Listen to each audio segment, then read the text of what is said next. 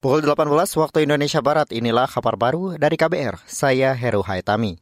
Kejaksaan Agung mendalami status uang senilai 1,8 juta dolar Amerika atau setara 27 miliar rupiah yang diserahkan terdakwa kasus korupsi BTS 4G Bakti Kominfo Irwan Hermawan. Penyerahan uang itu dilakukan Makdir Ismail selaku kuasa hukum Irwan Hermawan. Direktur Penyidikan Jaksa Agung Muda Tindak Pidana Khusus Kejagung, Kuntadi mengatakan status uang itu belum jelas. Apakah sebagai alat bukti atau pengembalian kerugian keuangan negara atau sebagai uang temuan. Saat ini kami sedang melakukan pendalaman untuk membuat terang. Uang ini uang apa sih? Apakah uang hasil kejahatan? Apakah uang yang terkait dengan kejahatan itu sendiri?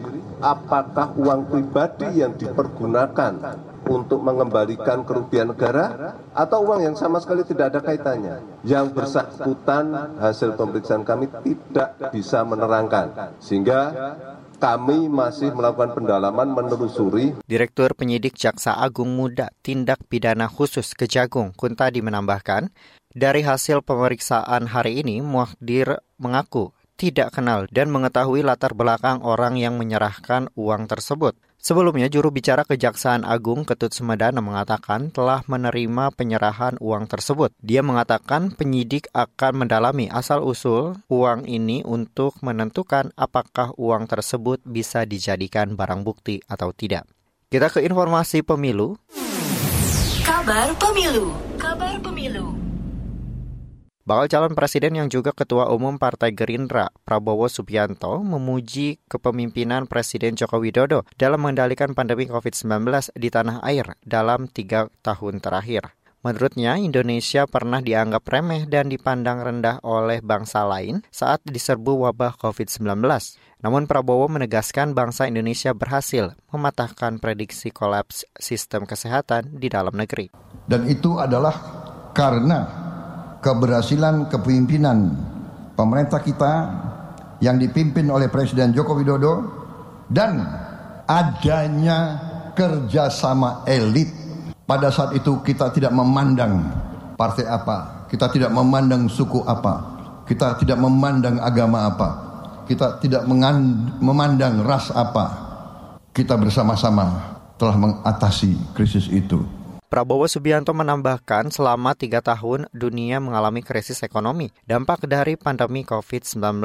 Namun pemerintah Indonesia mampu bangkit dengan cepat Pernyataan itu disampaikan Prabowo saat diundang ke Rapat Kerja Nasional Asosiasi Pemerintahan Kota Seluruh Indonesia APEXI hari ini. Selain Prabowo, APEXI juga mengundang dua bakal calon presiden lainnya, yaitu Ganjar Pranowo dan Anies Baswedan. Ketiganya hadir untuk menyampaikan gagasan kepada wali kota se-Indonesia. Kita ke informasi lain, Saudara Yayasan Lembaga Bantuan Hukum Indonesia YLBHI mengkritik keras proses pembahasan revisi Undang-Undang Informasi dan Transaksi Elektronik atau Undang-Undang ITE yang dilakukan tertutup. YLBHI menganggap rapat tertutup merupakan praktik buruk otoritarian dalam membentukkan undang-undang.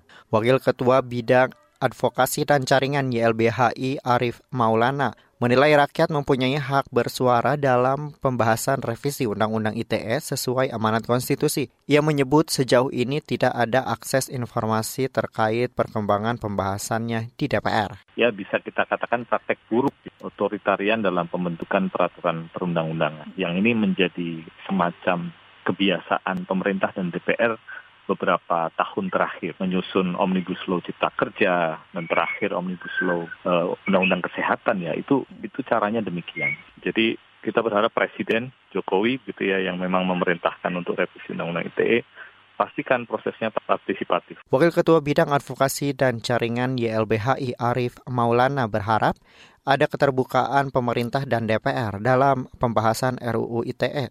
Ia mendesak agar Undang-Undang ITE hasil revisi lebih baik dari undang-undang sebelumnya yang kerap dijadikan alat kriminalisasi termasuk pada pegiat hak asasi manusia. Sebelumnya Komisi Bidang Kominfo DPR terus menggelar rapat maraton pembahasan RUU tersebut. Akan tetapi rapat yang ikut dihadiri wakil pemerintah itu digelar secara tertutup. Demikian kabar baru dari KBR, saya Heru Hitami. Salam.